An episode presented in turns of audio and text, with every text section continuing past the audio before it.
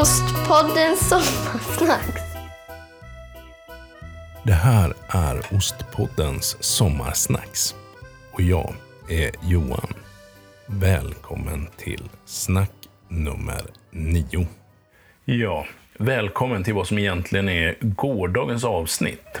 Det är inte så att jag helgar söndagen som vilodag på något sätt. Eller, ja, kanske lite då, för att eh, igår klämde vi in en riktigt lång sovmorgon.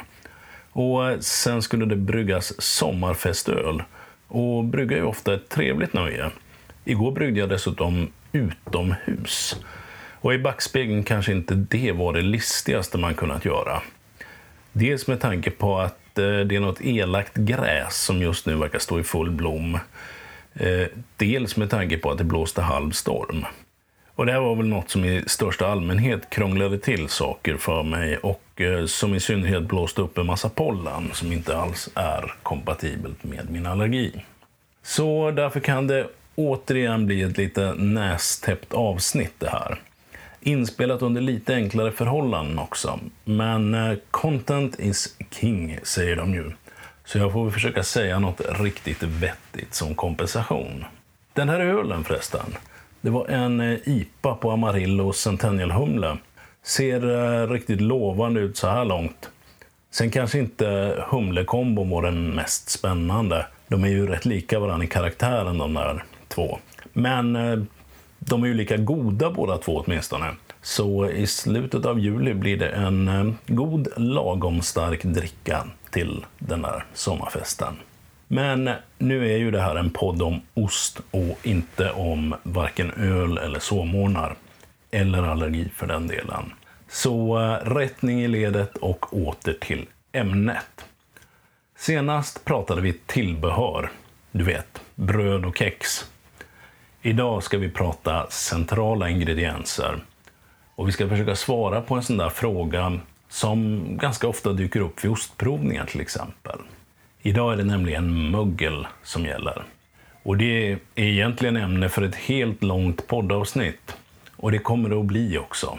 Men så här i slutet av juni, början av juli, tänker jag att vi skrapar lite på ytan så att säga. Och reder ut det här med hur man vet att möglet är bra och inte dåligt. Så att man i godan ro kan hugga in och njuta av sin ost. Ja, jag skulle säga att det finns väl ett ganska enkelt svar på det här. Och det är att om du köpt en mögelost, blå eller vit, är det helt lugnt att fortsätta äta så länge som det blir mer mögel av samma sort.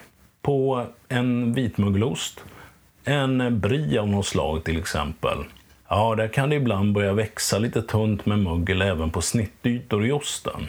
Så eh, om du har karvat i en bit kan det börja bli som en vit liten hinna även där du har varit och skurit. Och eh, ungefär samma sak gäller blåmögelostar som roquefort eller gorgonzola.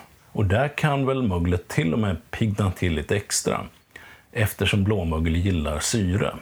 Men det känns som att jag redan har sagt ett antal gånger under den här eh, poddens livstid. Okej. Okay. Blåmögel och vitmögel är ju egentligen de mögelsorter vi använder i ost. Men sen finns det väl en massa annat mögel också? Ja, visst är det så.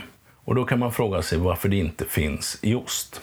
Jo, vi backar ett par steg och tittar på vad mögel egentligen är. Ja, det är svamp. Så när något möglar är det som egentligen händer, det är att det börjar växa svamp på det. Och precis som med trattkantareller, champinjoner och Karl Johan så trivs olika mögelsvampar i olika miljöer. Och eh, lyckligtvis är det så att blå och vitmögel trivs utmärkt i den ganska ogästvänliga miljö som en ost är. Ost och möglet vi vill ha gillar alltså varann. Och när de här svamparna väl fått fäste i osten, ja då blir det också ganska svårt för andra mögel att eh, ta plats. Sen är det också så att ysterier, stora som små, gör givetvis allt de kan för att just de där rätta möglen ska få optimala förutsättningar att få fäste och utvecklas precis som, som man vill. Vitmögel vill ha det lite varmare under mognadsfasen och eh, blåmögel trivs i en lite svalare miljö. Ja, och under ystningen så tillsätter man givetvis också det mögel man vill ha i sin ost. Ja, möjligen kan man också tillsätta det strax eh, efter. Ofta så är det flytande eller frystorkat mögel man tillsätter, men det finns lite andra varianter också. Det sparar vi på just nu i alla fall. Ha, säger du. Det vitmöglet vill ha lite varmare och blåmöglet lite svalare. Men min kyl den håller ju 4 grader. Ja, knappast, men eh, 6 grader kanske. Och det är ju lägre än mognadstemperatur för ostarna. Ja, det stämmer. Men det tar inte död på möglet. Möglet blir bara lite sävligare och växer lite långsammare. Men kan det då inte komma något annat än bra mögel på mina mögelostar? Jo då, det är klart att det kan.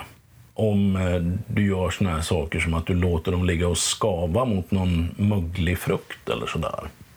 Ja, tycker du att du har fått mögel som inte känns som att det borde vara på osten? Eh, mögel som kanske ser lite konstigt ut. Det kan vara lite ludet och otäckt. Då ska du nog fundera en extra gång.